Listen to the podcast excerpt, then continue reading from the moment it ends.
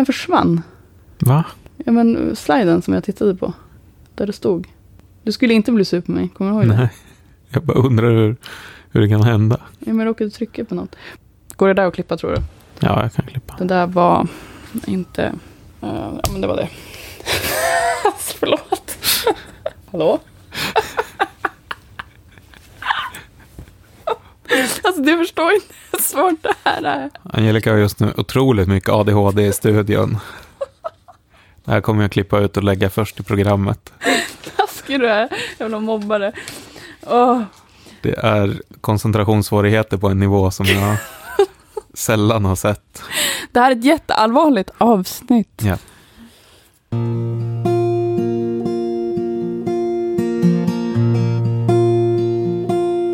Välkommen in i mörkret. Kom in, stick på och slå dig ner. Det är inget farligt, bara mörker.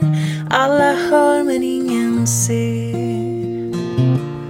Välkommen in i mörkret. Kom in, stick på och slå dig ner. Det är inget farligt, bara mörker alla hör men ingen ser.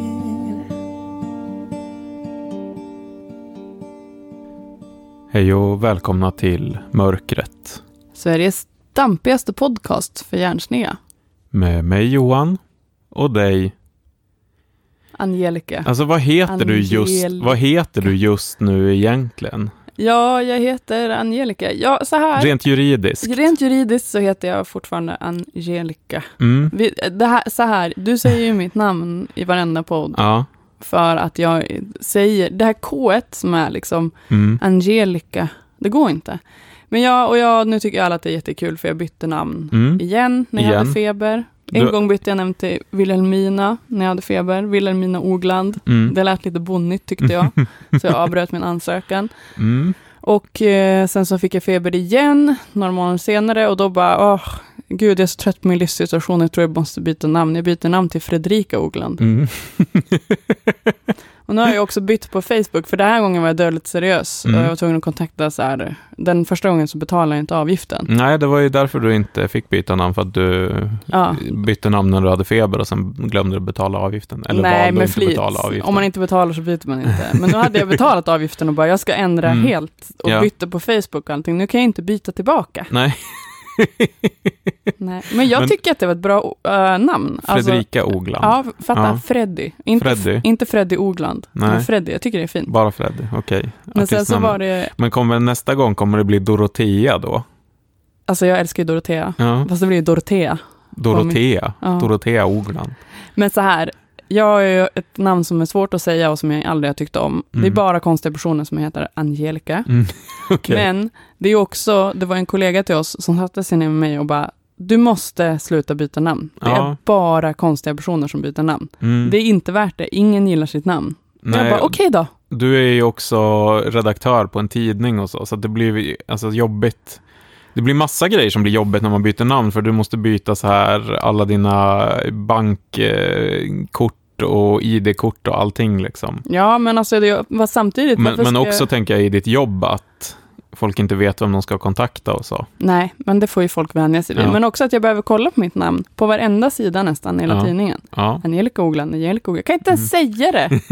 Du kan säga ditt namn, det här är verkligen... Angelica. Angelica. Angelica, du säger ditt namn precis som alla andra, Nej, det men det gör är en tvångstanke hos dig att du inte kan säga det. Vi ska inte prata om mitt namn. Nej, mer. för det vi skulle komma fram till var väl att man egentligen, alltså det finns ju ingen som typ, eller det finns ju det på sätt och vis i och med att du tydligen då måste betala det här inbetalningskortet sen, men att det liksom finns ingen så ADHD-kontroll på om man vill byta namn. Nej, man får byta namn en gång i veckan. Ja, Men tydligen så var det också en annan på jobbet som berättade, det är tydligen jävligt smarta personer som jobbar här, men ja, Mm. ja, att man kan inte byta namn fler än typ fem gånger, för till Mhm. slut så får du inte byta namn, och då har Okej. du det du har. ja, det, tycker, ja, det är en bra regel, tycker Ja. jag. Jo, men det, alltså, det kan ju behövas. Men jag vet inte vart jag räknas nu. Jag tror jag inte... Ja. Ja, hur många gånger har du bytt namn egentligen? Fredrika är ett vackert namn. Jag, Mm. fast, jag håller fast vid det och jag Ja. hatar mitt namn. Och jag Okej. hatar alla som klagar på att eh, jag inte får heta vad jag vill och Mm. bara säga att jag är en tönt. Mm, okej. Att, och att så här, det är bara transpersoner som kommer undan med att byta namn. Ja. Vad jaha? Ja, nej, du får väl också byta namn. Ja. Det är mest att du kanske inte ska byta namn på känn när du har feber nästa gång. Men det är då jag tar de flesta av mina livsavgörande beslut. I alla fall, idag ska vi prata om den här jättedåliga superkraften. Ja, precis. Vi, ADHD. vi ska prata om ADHD igen och egentligen om vuxna med ADHD som vi har gjort ett avsnitt om tidigare. Mm. Eh, som har blivit eh, jättelyssnat. Det är vårt absolut mest lyssnade avsnitt och det är ett avsnitt som fortfarande sprids och som väldigt många hör av sig om och säger så att det här var jätteviktig information för mig. För att det finns liksom inte så mycket. Det finns ganska mycket på olika sätt om barn och unga med ADHD, men just vuxna med ADHD är liksom svårt att hitta Ja, det har varit i alla fall. information. Alltså, Och kanske svårt, eller kanske inte svårt att hitta information, men svårt att hitta information av den typ som vi försöker sprida, det vill säga förhoppningsvis riktig information, men som vi sprider med, försöker prata om på ett något sån här roligt sätt, även om det är, kanske inte är så jävla roliga grejer. Liksom. ja, precis. Skämt om psykisk ohälsa. Mm. Nej, men så här, eh, det här är ju inte psykisk ohälsa utan ADHD då. Men ehm, Mm. Tanken med det här avsnittet är att vi ska gå igenom, så, nej det här låter skittråkigt, men Mm. det här är inte ett peppigt avsnitt och vi kommer Nej. prata om att Socialstyrelsen har gjort en jättegrundlig rapport om konsekvenserna för ADHD hos vuxna som kom ut i år. Mm. Eh, och egentligen tanken bakom det här avsnittet är att man ska kunna spela den för sin typ dumma kompis eller chef som bara ADHD finns inte. Och så ska man kunna bara så här, bam, här har du en länk, Ja. din dumma jävel. Ja, just det. För att ADHD finns visst och det kommer man bli smärtsamt medveten om eh, i slutet på det här avsnittet. Mm. Och ehm, Ja, ADHD finns och ADHD har eh, effekter. Och det är inte som så här, alltså ja, oerhört stora konsekvenser. alla har, alla har vi väl lite ADHD. Ja, nej. I, om vi tittar i den här statistiken så är det inte så att alla har lite ADHD, utan har man ADHD så har det ganska stor betydelse för Ja. ens, vad som händer i ens liv. Till exempel, den som säger så som inte har ADHD, till exempel till mig, Mm. eh, pissar ju ganska mycket på det faktum att jag troligtvis kommer leva kortare än den personen, Mm. statistiskt, Ja. för att jag har ADHD. Ja. Men eh, i alla fall, så eh, lite basics. Eh, knappt 3% av Sveriges befolkning av vuxna har eh, ADHD. Mm. Och jag tänkte att Russell Barkley, denna fantastiska psykiatriker som forskar om ADHD, ska få bättre förklara vad ADHD är. Mm. Och det här är på engelska, men vi kommer sammanfatta lite. So go back and look at those capacities that the frontal lobe is giving you as it matures and understand that ADHD and other disorders like it, but especially ADHD, restricts that development by 30 to 40%. So if you want to know how far behind somebody with ADHD is in self regulation, conservatively take 30% off their age. That's where they are. By the way, the rule of thumb applies to about 24 to 30 years of age, and then that's it. It's over. That is where you are going to stay through the rest of your lifespan. So this helps you to understand then where are the clients we serve in their executive capacities. On average, people with ADHD are about 30% behind their age, which means that if you're about 16, you have the self control of a 12 year old. If you're 21, it's that of about a 14 year old. Eventually, by the time you get up into your late 20s and early 30s, hopefully you're somewhere around 18 to 22 years of age. But you're not 30. You will always continue to make less mature choices than other people are likely to do. Alltså, Ja, det som eh, professor Barkley säger här är alltså att man, eh, din hjärnas utveckling ligger ungefär 30 procent efter, så att säga. åldersmässigt. Åld- åldersmässigt. Eh, så att du som är nu i 30-årsåldern ligger kanske på en utvecklingsnivå som är 18-20 någonstans. Och det stämmer ju. Mm, Alltså det stämmer ju så himla väl det han säger. Mm. Eller hur? ja, Alltså så här, också om man tänker på andra man känner med ADHD. ja, ja. Och eh, utvecklingsmässigt när det kommer till sånt som exekutiv förmåga och förmåga att ta beslut och sådär, det är ju inte, det är Ja. inte hela hjärnans utveckling, så att Nej, säga, utan och- det är ju på de områden där man har eh, svårt. Ja, och så här, det, det är fortfarande så med ADHD att så här, ja, det du tycker är skittrist, där kommer du fortfarande ha stora, största svårigheter. Mm. Det du tycker är jätteintressant, det kommer du liksom klara ganska bra. Mm, Men, förhoppningsvis, men ofta liksom. mm, Men eh, det som jag eh, tycker är intressant är att man har ju också pratat hela tiden i Sverige, det är många forskare som pratar om ADHD som en omognad i hjärnan, framförallt frontalloben. Ja. Och när man pratar om så här self-regulation, alltså, Mm. då, han, då handlar det ju också om känslor. Just det. Alltså, folk kan inte förvänta sig att man, man ska kunna hantera känslor som jämnåriga. Ja, Alltså- nej, nej, precis. Och tänk på de 18 till 20-åringar ni känner eh, och deras förmåga att hantera sina känslor. Och eh, tänk då på att det, det är ungefär där som man stannar. Mm. Sen pratade vi om det förut, att så här, man lär sig ju saker också. Alltså, även Ja. fast, fast hjär, man gör ju erfarenheter och man kanske ehm, kan förstå saker, men just när det kommer till hjärnans ehm, utveckling Mm. så, så stannar man där. Mm. Han pratar också i ett annat klipp om att man kan jämföra ADHD med att man är närsynt i tid. Det vill säga att det du får svårt för är att se det som ligger långt fram i tiden. Alltså vilka konsekvenser får det här, det beslutet som jag gör nu, eh, långt framåt i tiden. Medan man kan se det som ligger nära i tid Man är i så att nuet. säga. Man, är, man befinner sig väldigt mycket i nuet eller i den precis, precis, eh, liksom det som ligger precis framför en.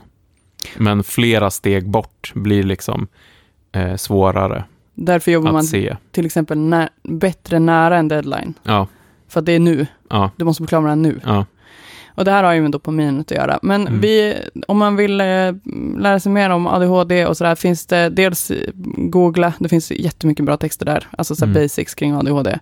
Eh, men också vårt eh, tidigare avsnitt som handlar om ADHD. mm, Nej, men också tänker jag det här intressant det här med man pratar om reglering. Dels här, reglera sin uppmärksamhet, men också reglera känslor. Och inför det här avsnittet så ställer vi frågor mm, eh, på våran Instagram, Mordkret Podcast. Och då var det många frågor som handlade om ja vi, här, vi sökte frågor. Ja, precis. Mm. Nej, precis. Vi sökte frågor. Och Mm. då var det många som frågade så här, hur har man bestående kärleksrelationer och vänskapsrelationer? Alltså relationer överlag. Just det. Det kan ju vara svårt för alla, men... Ja. Och, och där kan jag tänka mig att just den här närsyntheten kan ju göra det Mm. svårt också. Både problemen med, alltså kombinationen är svårt att reglera sina känslor och att kanske inte kunna se de långsiktiga resultaten av eh, ens val. Mm. Måste ju eh, ställa till det ibland i ens relationsskapande. Precis. Eh, och, och jag vet faktiskt inte, alltså jag har faktiskt inget svar på det. Eh, jag har pratat, alltså personligen i min roll, så här när jag jobbar för Attention och liksom har så här försökt driva opinion om så här relationer och ADHD och så här pratat om det i många tidningar, bland annat DN, så var det en så här ganska lång artikel. Och det som jag vill trycka på, och det här är inte på något sätt så här, förutom min personliga expertis, Mm. det är alltså behovet av rutin och struktur. Men, alltså, det måste, precis som allt annat, vara uppstrukturerat. Ja. För där det finns starka känslor måste det också finnas en stark rutin. Ja, För att inte explodera. Så här, ja, men okej, jag vet att jag exploderar tre gånger per dag. Får Mm. jag liksom ohanterliga känslor gentemot den andra, vilket lätt kan hända. mm, För att skillnaden mellan typ borderline eller emotionell person, nu vet jag inte vad man säger, men nej, den diagnosen och ADHD, det är inte jättestor alltså. nej, Och så här, man behöver, dels behöver man ett sätt att hantera, alltså typ så här gå undan, men också så här, okej, vad är klockan nu? Klockan är faktiskt fem på en måndag, men det står Mm. här i mitt schema att jag får inte bråka om det här förrän onsdag klockan sex. Alltså Ja. så där måste jag hålla på i Ja. mina relationer. ja, Jag vill få ha en konflikttimme som är inbokat med min partner, för annars så bråkar jag fan om allting. Ja. Alltså bara på, det är inte att jag är elak, det är ingenting, det är att jag har starka känslor och starka impulser. ja, Och jag kan inte hejda impulsen. Oavsett hur mycket jag vill vara en bra person, mm, så kan jag inte bara hejda mig. nej, Alltså så här, för att känslan är starkare och vinner över allt, för det är Mm. det som är min funktionsnedsättning. mm,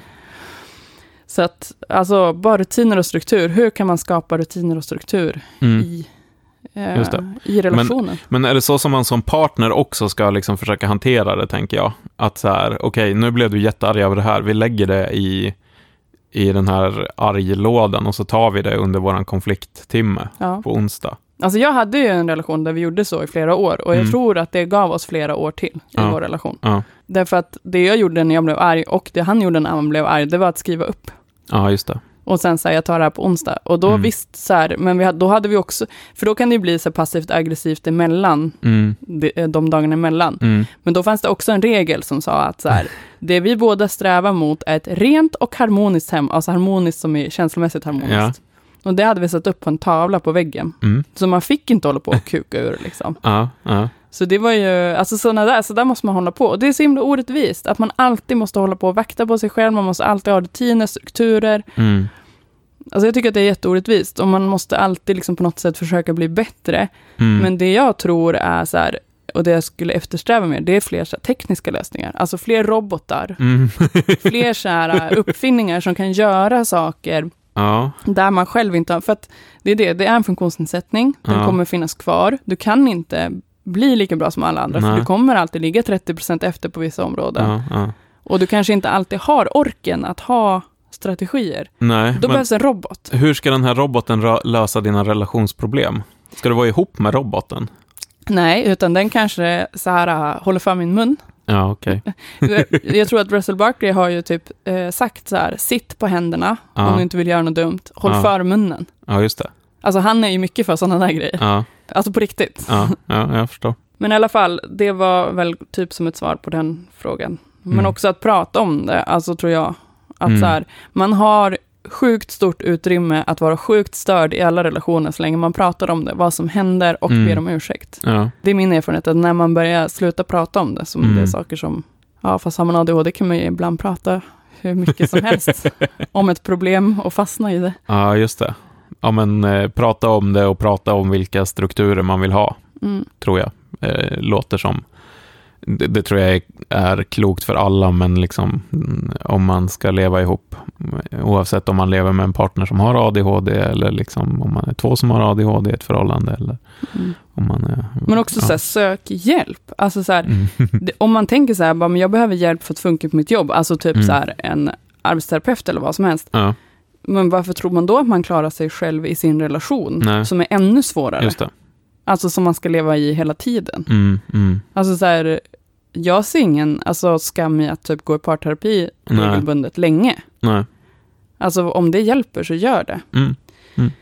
Det var många som frågade vad man gör, alltså om man har gjort, gått en utredning, tror att man har ADHD och ändå fått svaret att man inte har det Mm.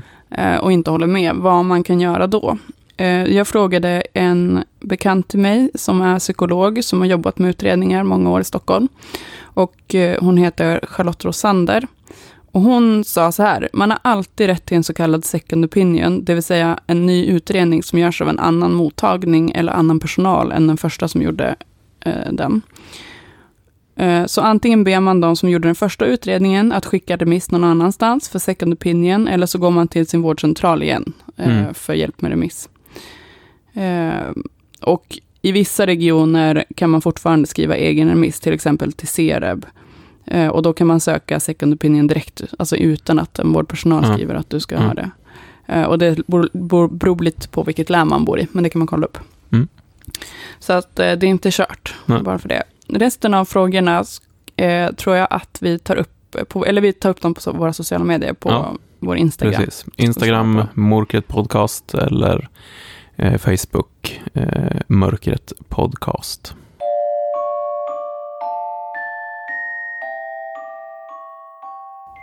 Okej, så huvud, Eh, saken, eller liksom huvudämnet för det här avsnittet är ju den studie som nyligen kommit från Socialstyrelsen som heter konsekvenser för vuxna med ADHD och det kan ju låta ganska torrt och, och eh, vi ska väl försöka snacka om den på något sätt som åtminstone är, om inte roligt så i alla fall eh, intressant.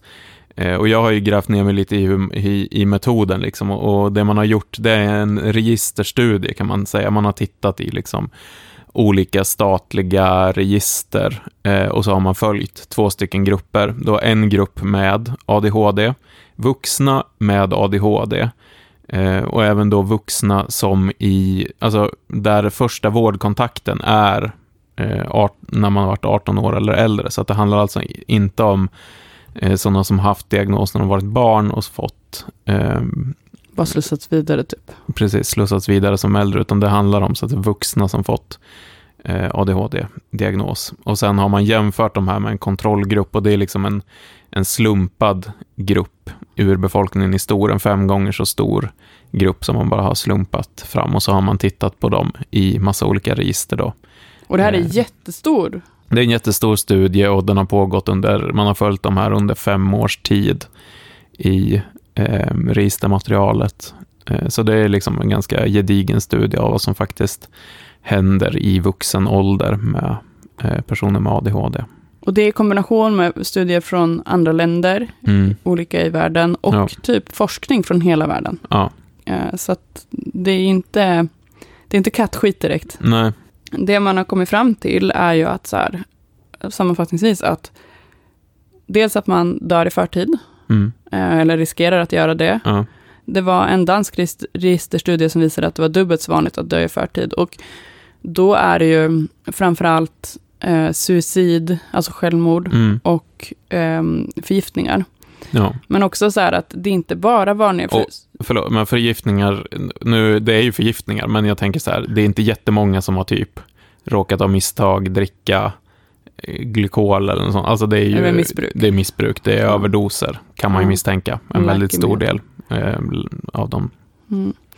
Men eh, också att eh, man har ju många psykiska, alltså psykiatriska diagnoser samtidigt, det är ju Mm. jättevanligt. Mm. Men också att det som är så unikt för den här studien är att man har kollat på vilka, alltså somatiska, vilka fysiska sjukdomar, Mm. eller vad man säger, Ja. som är också vanliga. Och jag tänkte dra det först, eh, för att när jag läste det här, alltså grejen är första gången jag läste den studien, dels så blev jag så himla ledsen, för att Ja. jag, visste, alltså jag visste verkligen inte att vi dör i förtid och det vi dör av är suicid framförallt. Mm. Alltså jag tycker det är så himla fruktansvärt. Mm. Man pratar ofta om att, nu ska man inte ställa ut olika utsatta grupper mot varandra, men till exempel pratar man ofta att transpersoner dör Mm. eh, ganska hög andel i suicid jämfört med resten av befolkningen. Ja. Det gör personer med ADHD också, Mm. men ändå ses det som någon slags light-diagnos. Alltså också att det är Eh, framförallt- dubbelt så hög risk. Alltså det är jättehög risk. Ja, precis. Nej, men jag tänker framförallt är det någonting som folk pratar om som så här, det här är min superkraft, det här är, Ja. eh, det, ja, men det här är, se inte det här som ett problem, se det som en tillgång liksom. Ja, kanske om typ att dö är ditt mål. Typ. Ja. Dö i förtid. Om du vill dö i förtid och bara, hur ska jag ta mig Mm. dit? Bara, med Mm. ADHD. Då är det Ja. en superkraft. Bara, ja, men du kan bli en så himla bra entreprenör. Bara, ja, fast du har också dubbelt så hög Mm. överdödlighet i, Mm. i den populationen. Liksom. Ja. Men också så här, innan vi går igenom, alltså det blir så dubbelt när man läser om det här, för det, det blir ju liksom ett gäng som har varit lågutbildade, Mm. eh, man kanske ofta inte har samma löneutveckling som alla andra, man har en tung så här, psykiatrisk samsjuklighet, man har mycket ont. Eh, många så här, fastnar i försörjningsstöd, vi kommer gå in på det lite mer. Men alltså så här, det är ju inte bara de personerna med ADHD man ser. Nej. Och det vill säga, alla går, all, de flesta går väl hos psykiatrin för att man behöver medicinen om Ja. man äter den. Ja. Men ehm, det, jag har svårt att få ihop det här med min bild. Jag vet inte om det är för att jag känner många framgångsrika personer med Mm. ADHD. Men jag alltså, blev ändå så chockad över Ja. att det här är överlag. Ja. Alltså det är en Men- arbetslös grupp. ja, jo det är det verkligen. Men man ska komma ihåg kanske för vissa av de här, alltså så här, överdödlighet, suicid och så. Så om man tänker att det är så här i, i den eh, kontrollgruppen att det är liksom en på hundra som dör så, så är det två på hundra som, som dör så i ADHD-gruppen. Och det är ju dubbelt så många och det är alldeles för många, men det är fortfarande liksom så här 98 som inte gör det. Mm. Jo, det är sant. Ehm. Det är sant. Det är en bra poäng. Men i alla fall, somatiska sjukdomar då. Eh, diabetes typ 1 mycket vanligare. Mm. Eh, fetma, alltså hos ADHD-gruppen. Varför är det så roligt ord? Mm. Eh, fibromyalgi eh, och så olika smärttillstånd. Mm. Eh, det är vanligare eh, för personer med ADHD och ökar hela tiden med stigande ålder. Det kan man säga så generellt är så jävla deppigt. Alltså, fan. Mm. Alltså, ju äldre man blir, om du har kvar din ADHD-diagnos, alltså en Mm. tredjedel, eh, hos en tredjedel av de med ADHD så växer det bort så att du har Ja, inte. Ja. Eller, Men det är ju de, de har ju man ju liksom inte tittat på i den här Nej, studien. precis. Eh, det kan ju växa bort, eh, för man kan ju vara så här 18 och så har de tittat på en tills man är eh, 23 då, och det är Mm. klart att den kan ju växa bort sen, men de har liksom inte varit med i, nej, i den här studien. Men, men hos de eh, lyckliga, vad är det, 60 procenten som det Mm. finns kvar. Alltså över tid, det ser inte så jävla bra ut alltså. Nej. Utan eh, ju äldre man blir, desto värre blir det. Mm. Och då snackar vi om man inte får ordentligt med hjälp. Alltså du kanske har fått diagnos för sent, du kanske inte har några så långsiktiga hjälp, eller Mm. långsiktig hjälp, du Mm. kanske inte har någon bra medicin, du kanske har en tung psykiatrisk samsjuklighet. Ja. Men alltså, när man kollar på så här skalor, alltså det, det som ökar är ju typ så att du får ju typ mer och mer inlärningssvårigheter. Ja. Alltså det tänker Mm. man ju så här, ja men det har ju barn typ. ja, just det. Men nej, alltså barn som kanske inte hade så jättemycket inlärningssvårigheter med ADHD Mm. kommer ju få betydligt mer efter 30. Just det, precis. För det visade den här studien att det är framförallt i gruppen så här, över 30 som inlärningssvårigheterna ökade Ja. eh, markant och var mycket hög, var, var liksom mycket vanligare än kontrollgruppen över 30. Och det är inte så konstigt. Alltså vem lär sig något nytt när man har svinont i kroppen? Typ? Ja, Alltså ja, så här, eller mår jättedåligt. ja. Men också att Russell Barkley säger att man stannar ju ja, just det. vid 30. Ja, Alltså då kanske resten av befolkningen går vidare då i någon slags utveckling, men själv Mm. har man bara ont och vill inte lära sig nya grejer, Nej, bara så arg. Ehm, ja, eh, så ser det ut i alla fall. Också så här ökade sociala problem, ökade problem på arbetsplatsen om man har någon. mm. Epilepsi är något vanligare också.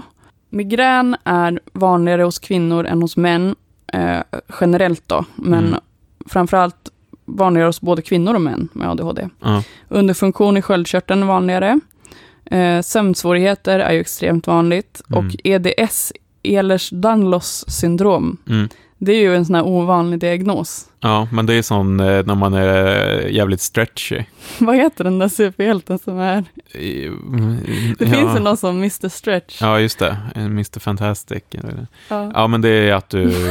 Det är, det är väl något fel i kollagenet i kroppen, va? Så Ja. att du eh, får så här väldigt, väldigt eh, stretchig hud och Mm, väldigt över. stretchiga leder och sådär. Det- ma- Vi kan skoja om det, men det är väl en, en eh, för vissa hyfsat allvarlig sjukdom som kan ge problem med, eh, med ehm, blodkärl och sånt, tror jag.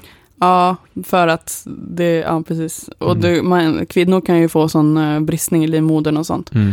om man har den svåra sorten. Mm. Men framförallt att du är överrörlig. Ja. Och det här är något man inte pratar om så mycket heller längre. Så här, överrörlighet och eh, motoriska problem hos barn med ADHD. Mm. Eh, Mm. Det pratade man ju väldigt mycket om förut och kartlagde när man hade begreppet DAMP. Men Damp, det gör man inte längre. Nej. Men tydligen så finns det då. Det är bevisat. Mm. Man är en överrörlig Överrörlig. Mr Stretch. Ja. Sen så kommer det ju till de psykiatriska, alltså dels är ju sjukskrivning hög eh, och det är inte så stor del av gruppen som jobbar Nej. generellt kan man Nej. säga. Men vi kan konstatera att eh, typ sjukskrivning, eh, eh, långtidsarbetslöshet, eh, sjukpenning, alltså olika, mm, det, det är betydligt mycket färre. I, I den kontrollgruppen, där är det ju det vanligaste att du faktiskt har liksom ett, ett heltidsjobb. Mm. Eh, och det är betydligt mycket ovanligare inom I ADHD-gruppen är det vanligare att inte ha ett jobb. Ja. Att vara arbetslös. Mm. Nu gjorde jag sådär igen. Alla vet att arbetslöshet och inte ha ett jobb är samma sak. Jag gör sådär hela tiden. Nu hör jag det live. Ja, men det, du har umgåtts otroligt mycket med din son den Ja, men- senaste veckan och jag märker på dig att när du, när du har haft barnvecka och särskilt nu när du typ har vabbat i en hel vecka, då blir du så extremt pedagogisk, även när du pratar med mig. Blir jag det? Ja, och typ så här förklarar allting för mig. Men det är väl för att man blir knäpp i huvudet av att bara umgås med ett barn i en vecka liksom. Alltså jag märker det här, eh, det du fanns... känner inte dum förklar. Nej, nej, inte direkt, men alltså jag, jag vet, jag störde mig otroligt på en person som fanns i så här utkanten av min bekantskapskrets och jag kunde inte sätta fingret på det.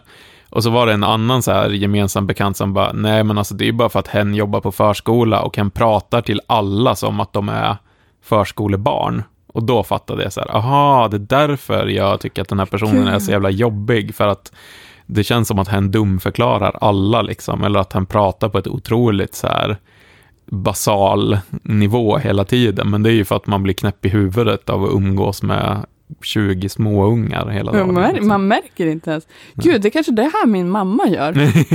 nu kommer jag på, hon förklarar alltid för mig hur saker ligger till. Jag bara, Ja. men jag är vuxen nu, trots att jag egentligen är 18 enligt Mm. Russell Barkley. Då. Och så här, Ja. mamma, har du pengar? Mm. Alltså fortfarande, ja. eftersom jag är 18 Mm. mentalt. Men hon gör ju det här hela tiden. Jag har aldrig tänkt på det, hon är ju helt arbetsskadad. Mm. Mm. Såklart. Ja, i alla fall.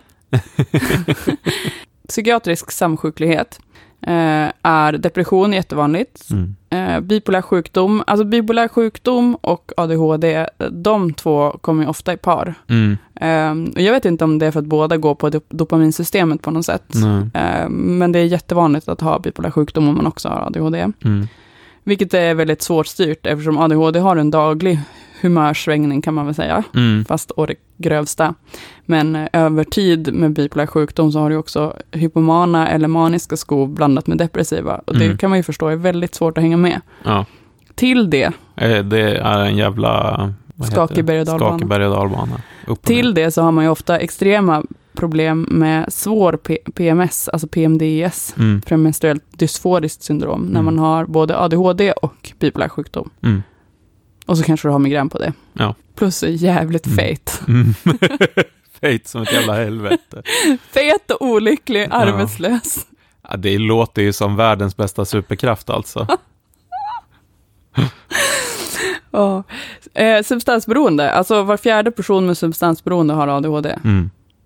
Så att sitter man på ett A-möte, Och då ska vi komma ihåg att det är 3% av den vuxna befolkningen alltså. ja, Och var, eh, var, var det var fjärde person. var fjärde person med substansberoende har ADHD.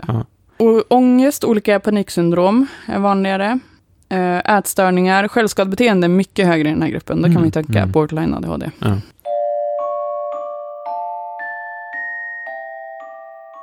Nej, men någonting som eh, den här studien också tar upp, det är det här att man blir fast hos psykiatrin. Det är också jättekonstigt, för det kan jag säga för egen del. Nu ska jag inte referera allt till mig själv, men Mm. för att göra det, så Alltså, när man är i en bra fas med sin ADHD, allting går bra, jag går till mitt heltidsjobb, det går Mm. fint. Jag måste ändå hålla på och gå psykiatrin, alltså Ja. specialistpsykiatri. Ja, Och det är ju för att det bara är de som skriver ut medicinen. Så funkar det inte i alla länder. Nej, Då kan eh, så just det. här, Du kan, din husläkare kan inte ja, skriva ut din medicin till dig. nej, och det är väl bra. Alltså, det där rövgänget av husläkare på vårdcentralen ska inte hålla på och skriva ut tjack till folk hur som helst. Nej, nej. Nej, men eh, i andra länder har det tydligen funkat bra som jag uppfattar det. Mm. Men eh, det här med att så här, vårdcentralerna ska vara första linjen psykiatri, det funkar ju inte alls, för Nej. att ADHD-gruppen förstör ju det. Det. För att det kommer, det strömmar in massa nyutredda vuxna med ADHD Mm. till specialistpsykiatrin, Mm. som blir fast där, eftersom de har kroniskt Mm. eh, ADHD, Precis. Och de kommer aldrig därifrån. Så Just då kan det, man ju du- tänka vad belastande det blir. Precis, du menar att de som lever i ungefär den situation som du har, det vill säga eh, alltså eh, livet under, på många sätt under kontroll liksom, och, och där det kanske inte är ett så stort problem just ADHD, men måste ändå liksom fortsätta Mm. ta upp eh, resurserna från, från de som har en tyngre problematik, som kanske behöver specialistvården mer. Precis, och jag är ju mycket av uppfattningen att så här, ADHD, det är inte, alltså det är neuropsykiatriskt, men med betoning på neu- neuro, det är neurologiskt. Alltså, Mm. Det är inte bara, alltså för mig är det ganska fysiskt. Ja, Alltså så här, dopamin funkar inte, rätta till dopamin. ja, Och så kan man väl se på alla psykiska sjukdomar, men jag har inte en psykisk sjukdom. nej, nej. Vilket, vilket gör, alltså typ, till exempel om du har autism, du, du tillhör inte psykiatrin per definition Nej. direkt. Du, utan Nej. då får du gå på habiliteringen såklart. Ja. Det är ju inte samma sak. Nej, just det. Nej, just det. det är, vi pratar inte om psykiska sjukdomar, utan vi pratar om Ja. eh, neuropsykiatriska funktionsnedsättningar. Precis. Men, ehm, och så här kommer du typ, säg att du har en bipolär 2, alltså den så här lite enklare, eller vad man säger, och Mm. ser mest depressioner, Mm. så kanske du äter litium. Då kan du ju kolla dina litiumnivåer hos den första linjen psykiatri, det vill säga Ja. vårdcentralen. Ja, Så länge litiumet är på bra nivå mår du ganska bra. Du behöver inte gå inom specialistpsykiatrin. Det är så det är tänkt att funka för att alla ska få vård. mm, mm, Men det funkar inte med ADHD. nej, Det man såg i den här stora registerstudien var att dels, alltså och det här visste man innan också, att personer med funktionsnedsättning har generellt sä, alltså sämre livskvalitet. mm, De jobbar mindre, alltså generellt, eh, över andra funktionsnedsättningar också. Men också att det är en stor del av ADHD-gruppen som går på SOS. Alltså man blir kvar inom försörjningsstöd på socialtjänsten. Och att man fortsätter att vara ekon- beroende av ekonomiskt bistånd. Och så är ju inte ekonomiskt bistånd tänkt egentligen. Du ska gå på det ett tag. Just det, Eh, tills du kommer på fötter liksom. Ja, inte hela tiden, men Mm. det är liksom samhällets yttre, yttersta, yttersta skyddsnät. Mm, Och så här, för många med ADHD, eh, att det finns en slags moment 22, för att anledningen varför man har hamnat där är kanske för att man har svårt med sina exekutiva förmågor, det vill säga planera organisera sin tid eller liksom papper eller så. Det gör att man har svårt att få jobb, du får svårt att försörja dig, Mm. börja gå på SOS. Hos socialtjänsten så ställer de krav på att du måste ganska noga eh, koll på din bank, du måste Ja. skriva ner alla utgifter, inkomster, Mm. du måste ha ordning på dina papper liksom. Ja. Och du måste söka månadsvis. ja, och ska Och- fylla i massa papper Ja, och grejer. ofta liksom. på papper. Ja. Mm. Och du måste också, du får inte heller vara impulsiv med dina pengar när Nej. du går på socialtjänsten. Nej. Utan du måste ju ta ansvar, vilket gör att många klarar inte av att leva upp till, för att det är ganska Men det är höga krav. väldigt svårt. Precis, vilket gör att de här personerna i värsta fall hamnar i hemlöshet Mm. och så. Ja. Och det är så himla, det är också så himla hemskt, så himla Mm. sorgligt. Mm. Det är, så, det är också så himla oanpassat liksom. Mm. Men socialt bistånd är ju inte anpassat, som du sa. Det är ju inte tanken att det ska vara en försörjning för människor som i dagsläget på många sätt står utanför arbetsmarknaden och därför också står utanför liksom a-kassa och andra typer utav, eh, och som dessutom i, i hög utsträckning blir sjukskrivna, eh, nu kanske man inte blir som sjukpensionär, men ja. Man ska ändå bli det. Alltså, det är ju ändå, alltså, tips till alla med ADHD. Mm. Om ni ändå inte kommer klara av att ha ett jobb Ja, och så här bränner ut det, se till att bränna ut det riktigt jävla Ja. ordentligt två år på ett jobb med hög lön. Bara in, in och kut Mm. och sen få sjuk, Mm. alltså en rimlig sjukpenning. Ja, ja, men problemet är ju att, att d- social, liksom det, det biståndssystemet är ju inte uppbyggt för den här gruppen. Och, och på Men det- många sätt är den ju, alltså jag tänker att så här, de som har byggt upp den och de som sitter och styr där, det är ju människor som jag, som tycker att det är så här viktigt och bra med papper och blanketter och som blir irriterad på folk som fyller i blanketter fel och att man också från, eh, det står ju i den här studien att, att ehm, personal inom socialtjänsten ofta kan se saker som typ nonchalans eller så. Mm. Eller att man liksom, ja, de, ja, den här personen kom inte på möte, kom inte i tid, lämnade inte in saker i tid. Och att man då ser det som att så här, ja, men då är personen liksom inte intresserad. Den, den här personen visar inte liksom tillräckligt stort eh, intresse för att få eh, den hjälp och stöd som, som de faktiskt har rätt till kanske. Och så tror jag det ofta är för den här gruppen. Så här, bara, men jag, Mm. ser, jag hör ju att du kan. Jag ser Ja. ju att du kan. Jo, men du kan som alla andra bli bättre på det här. Nej, Mm. Det är för att det är det som är själva funktionsnedsättningen. Mm. Det är inte en oskön attityd. Nej. Det är inte lathet. Och det säger ju Russell Barkley hela tiden. Ja, Att så här, alltså vill man inte hjälpa med någon med ADHD, då kan man ha den attityden gentemot någon med Mm. ADHD. Eller så Mm. försöker man sätta sig in i det här svåra, som är svårt att förstå, även för mig som har jobbat med det och som Mm. har det själv. Att det är inte liksom en ovilja. nej, Den, alltså man kan det inte. är en oförmåga. Ja. Mm.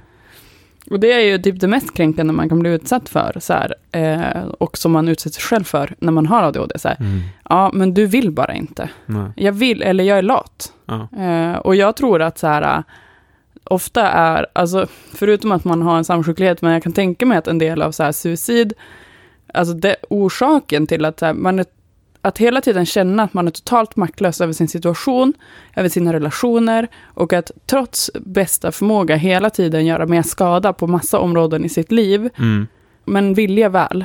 Ja. Jag tror att det skapar en så pass stor maktlöshet att självmord är ett alternativ, Mm. Mm. vilket är också jätte, jättehemskt. Mm.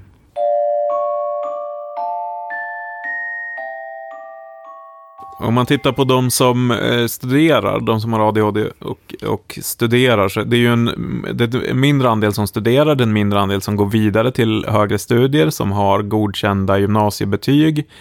Eh, och de som går vidare till högre studier, de tar, eh, ja det är ju färre som liksom slutför dem och de som slutför dem tar det ofta längre tid för dem. Vilket då också ju får konsekvenser i form av liksom att man kanske får, har högre studie, eh, skuld och sådär.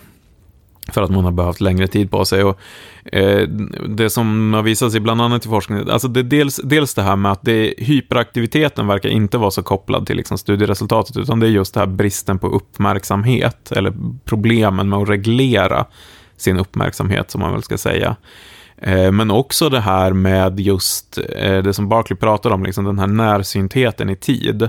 Vilket också, den gäller ju både liksom framåt och bakåt i tiden så att säga. Alltså du är väldigt fokuserad på det som är just nu.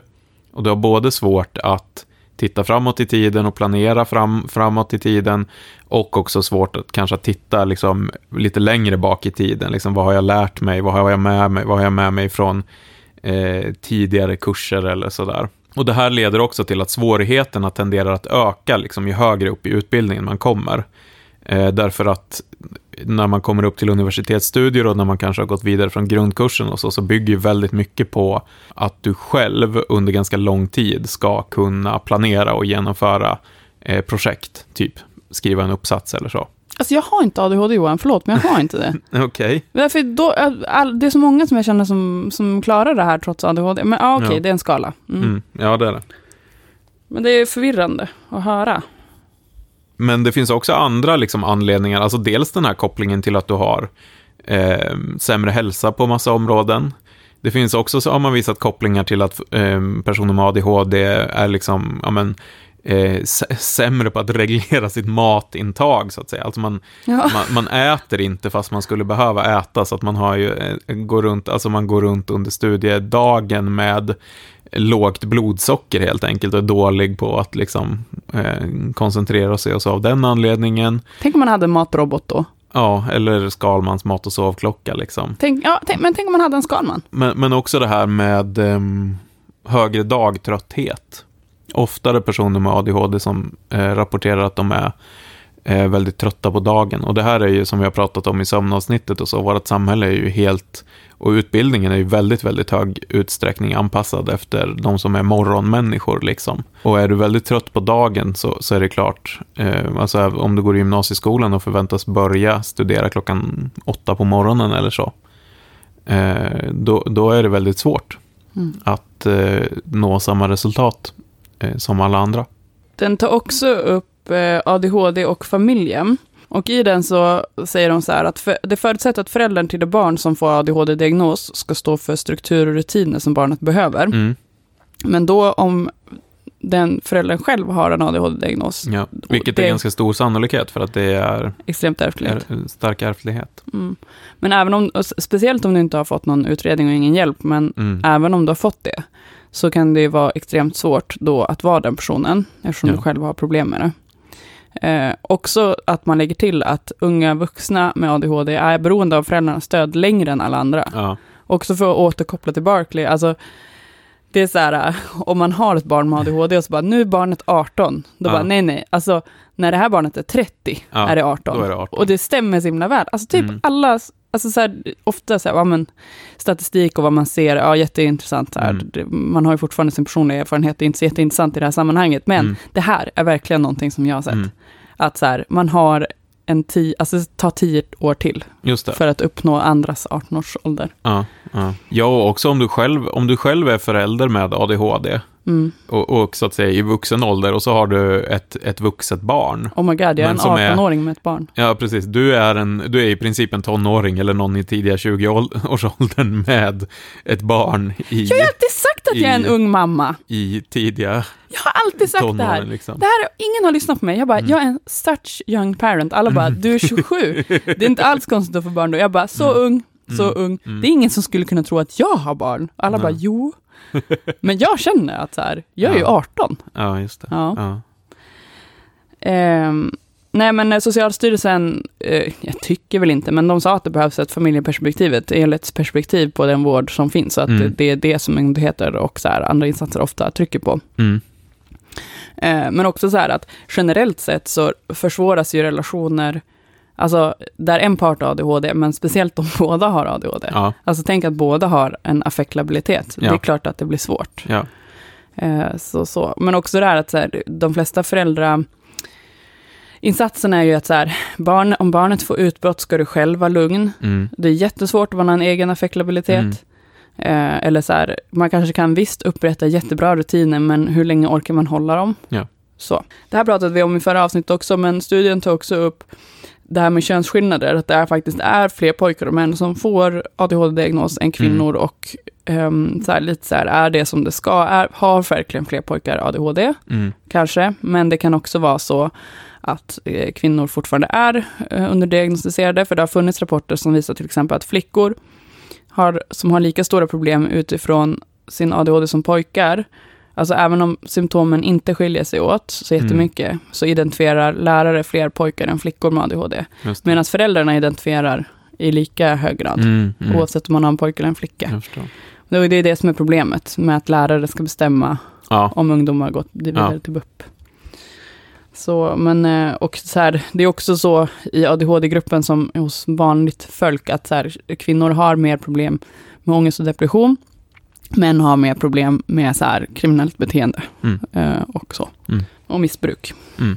Några lästips, förutom att eh, kolla på under den här veckan som avsnittet släpps, och kolla på när vi svarar på de här frågorna då, som ni ställde för några veckor sedan.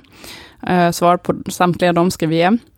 Eh, men Attention Stockholm, om man bor i Stockholm, har samtalsgrupper för till exempel kvinnor med ADHD, föräldrar med egen ADHD-diagnos, tycker jag att man kan kolla upp, det är väldigt bra. Ehm, också att så här, man kan starta en lokal attentionförening, man kan göra saker lokalt. Alltså finns det ingen grupp så har man tillräckliga exekutiva svårigheter så kan man bara så här, råda ihop ett gäng ses. mm. Jag tror att det hjälper jättemycket Mm. att vara en del av något större sammanhang. ja. Det har i alla fall hjälpt mig svinmycket. Eh, det finns en bok som heter Understanding Girls with ADHD. Den kom ut första gången 1999. Den är svinbra, jag kommer inte ihåg exakt vad hon heter som har skrivit den. Men det finns nu, såg jag, när jag gjorde lite research för avsnittet, i en uppdaterad version. Mm. Och det är typ en av de mest bästa böckerna, om man är kvinna med ADHD, tycker jag. Och sen allting Russell Barkley säger, gör, Mm. andas. Alltså ko- kolla, han har jätte, man kan kolla på YouTube, finns det jättemånga så här föreläsningar som man kan kolla på. ehm, som är väldigt enkla och korta. Det är bra Ja. om man har uppmärksamhetssvårigheter. Precis, om man eh, har en 18-årings hjärna, även fast man är Mm. 30 till exempel. Jag vill också tipsa om IPSA. Det är en föräldrastödsgrupp för föräldrar med ADHD. Och det är IPSA ADHD, alltså ipsaadhd.se kan man gå in på. Och det är en föräldrastödsgrupp för föräldrar som har ADHD då, som håller på att forskas på, på Karolinskas forskningsinstitut KIND just nu. Eh, och där kan man kanske anmäla sig fortfarande, jag vet inte hur det såg ut, men den är ganska lik så här, kommunernas föräldragrupper som heter Komet. Så, och väldigt, fast förutom skillnaden är att man får också eh, egna arbetsterapeuttillfällen för att lära sig Mm. det som man ehm, har gjort Ja. på gruppträffarna. Och det kommer troligtvis, förhoppningsvis, testas i hela Sverige, i alla kommuner. Men just nu Mm. håller de på att utvärdera det. Så kolla om ni kan hjälpa till på något Men- sätt, eller vara med. Men, men var det det här som du i princip startade? Nej, inte startade, men vi var med Mm. och bestämde hur, det gav input på hur de skulle lägga upp det. Ja. Så det här att man ska få tid och så här, kunna, med arbetsterapeut och Mm. kunna införliva, det har vi varit med och bestämt. Ehm, och um, gett feedback på hela materialet och så. Mm. Mm. Ja, det är jag stolt över. Jag hoppas verkligen att det kommer komma hela Sverige, för att det, alltså, det är så fin och stor satsning. Ja. Mm. Allmänt, Kind med Sven Bölte som chef gör jättebra saker, det kan man också kolla på. Ja, det här är så här, det, det är väl ett deppigt avsnitt liksom. Mm. Det, det är svårt att säga någonting roligt om det här. Sen, sen tycker jag, alltså det är väl viktigt att säga så här, som jag sa, alltså, alltså om, det, om det är två personer som dör i suicid så är det 98 som inte gör det. Mm. Eh, och det finns, det finns hjälp att få, fast den är inte lätt att få. Man får kämpa. Man får kämpa. Ja, men, får jag ge två av mina bästa tips om man inte Ja. får hjälp? ja, Nummer ett, skrik så här, om de gör fel, så här, inte vill hjälpa dig, då säger du bara så här, ja, om inte du gör som jag säger nu, eller så här, jag kommer ringa IVO, mm, så säger man. Ja. Och det är Inspektionen för vård och omsorg. Alla vård, vårdställen är Ja. rädda för IVO. Därför att blir du granskad av IVO, det ser inte bra ut. Nej. Och särskilt om du går på typ någon så här universitetssjukhusmottagning, alltså de Mm. forskar oftast på sina Ja. patienter. De vill inte ha IVO-anmälningar. Så bara skrik IVO! mm, Då får man hjälp. Jag har fått det varenda gång jag sagt IVO, då får jag hjälp direkt. Ja.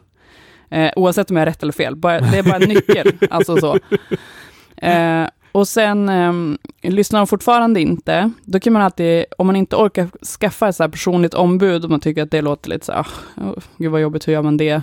mm, Då kan en person man känner låtsas vara ens personliga ombud. just det. För det är ingenting de kollar upp heller. Nej. Eh, så det vet jag folk som har gjort, som bara ringer och säger så här, hej jag heter Lars Göransson, jag är personligt ombud till eh, Niklas och Mm. eh, jag vill bara fråga varför ni inte har hjälpt Niklas. Ja. Ja. Det ser inte heller bra ut. Nej. Nej. Ja, men det är, Tips. bra, det är bra tips. Och eh, så här, man har en massa rättigheter. Man har rätt till anpassning, man har rätt till hjälp. Sen är det ju ett, ett problem att eh, Just det. det, det spelar ibland ingen jävla roll för att eh, de är inte beredda att ge dig rätt hjälp liksom. Alltså för vi pratade nyligen om det här fallet med eh, någon som har dyslexi, som är liksom diagnostiserad med dyslexi och som ska göra nationella prov och som då, då blir erbjuden hjälpen, ja du kan få sitta i ett tyst rum och göra det här provet. Eh, men personen har ju fortfarande lik förbannat dyslexi. Liksom. Alltså det är i princip som att säga så här, ja ah, du har dyslexi, här, vi har byggt en rullstolsramp åt dig. Mm. Liksom. Jag tror det var några som försökte anmäla den här skolan. Ja. Om det var Dyslexiförbundet eller Ja. sådär. Och, och det finns jättemycket, alltså det finns jättestora problem med att man bara, ja men vi ska anpassa, vi ska liksom eh, göra anpassningar för dem med ADHD till exempel, men så gör man liksom inte, inte rätt anpassningar, och anpassningar som inte ens eh, hjälper dig, kanske.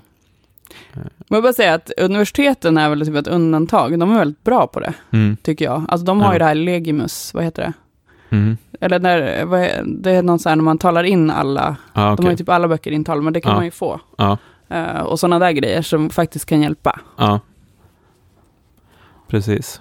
Så att eh, det finns liksom rätt att få hjälp. Problemet är väl att man ofta måste eh, vara jävligt stark och slåss Ja, för att få hjälp. Och få den hjälp som man då faktiskt behöver. Inte få någon anpassning som man liksom inte alls behöver.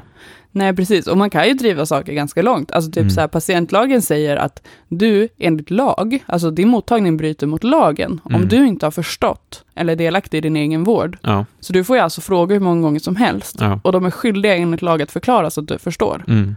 Och det är på deras ansvar, inte ditt. Mm. Men det finns också en större fråga här och den handlar ju om liksom hur samhället ser ut idag överhuvudtaget. Vi ser den här enorma arbetslösheten i gruppen Mm och eh, vi ser ett arbetsliv som liksom inte alls är anpassat efter den här gruppen. Och så ser det ut på, på massa områden i Sverige, särskilt i Sverige, för vi har en eh, ekonomi som är väldigt avancerad och vi har en ekonomi som bygger på att man ska ha en universitetsutbildning, vilket, alltså för väldigt många jobb vilket många i den här gruppen då inte har, för man har antingen inte kommit in eller man har hoppat av eller blir liksom inte klar i tid. Um, och vi har en, ett, en arbetsmarknad som bygger på att man ska ha ofta väldigt hög eh, förmåga. Eh, och där människor som liksom inte passar in slås ut. Och så här ser det ut för andra grupper med funktionsnedsättningar också. Alltså vi, Sverige är till exempel jättedåliga på att ge jobb till, till personer med svår synskada. Mm. Eh, det är svårt att få jobb. Andra länder ser det helt annorlunda ut. Alltså på, ta ett land som Kuba till exempel. Nu, eh, nu är väl det kanske ett extremt exempel, för att där har de liksom socialism och där är det så att staten säger åt eh, om en arbetsplats, en fabrik, så säger man så här, nu, nu har vi en, en kille här som, eh, som har en svår synskada, nu får ni fixa fram ett jobb till honom. Liksom. Det, skit, skit i vad det är, det, han kanske kan eh, sopa här, eh, här eller något sånt liksom. Eller ja, ni får väl fixa något som han kan göra liksom. Det är, Det är bara, lö, det är bara löst det. Han ska ha, han ska ha en, en, ett normalt jobb med lön liksom. Det är inte någon eh, det är inte något jävla liksom, arbetsmarknadspolitiskt program, så, utan man bara säger till arbetsplatserna, ni har en kvot på hur många av de här som kommer från liksom, grupper som har svårt att få jobb eh, som de ska ha. Men, men det, finns andra, det finns en massa andra länder som har liksom där, där grupper har lättare än Sverige. Men Sverige har ju det här extremt, den här extremt eh, avancerade arbetsmarknaden på, på ett sätt. Vilket gör att det blir eh, svårt för många. Och då har vi så att säga ett system som inte är byggt för att hantera de här människorna. Då är det långtidssjukskrivning eller SOS som vi har att erbjuda. Och det här handlar alltså om en grupp, eh, 3% av befolkningen, Där många skulle kanske kunna jobba. Liksom. med anpassning och med stöd. Det behöver inte alltid vara så jävla roligt, ibland kan man bara vara förbannad. Och jag, och jag blir riktigt förbannad, särskilt efter att jag har lärt känna dig och vi har pratat om de här grejerna på alla de här som bara ADHD är min superkraft. Mm, Det är Ja. så kränkande. Det är så jävla lätt att säga det när man är i en position där man är en väldigt privilegierad person. Liksom. Ekonomiskt, Alltid en man. Alltid en ekonomiskt privilegierad, på massa andra sätt privilegierad. Eh, det är klart att det inte är ett problem ifall du har liksom tjänstefolk som städar åt dig eller tar hand om dina barn eller vad fan som helst. Men eh, för de flesta människor så är det här alltså ett, eh, en ganska stor funktionsnedsättning Mm. som, som innebär svåra somatiska sjukdomar, svåra eh, psykiatriska sjukdomar och en betydligt mycket högre eh, risk för, för för tidig död. Och var allmänt fet. Ja. Hallå, vi finns på sociala medier. ja. Du hittar oss på Facebook på Mörkret Podcast och vi finns även på Instagram på Mörkret Podcast.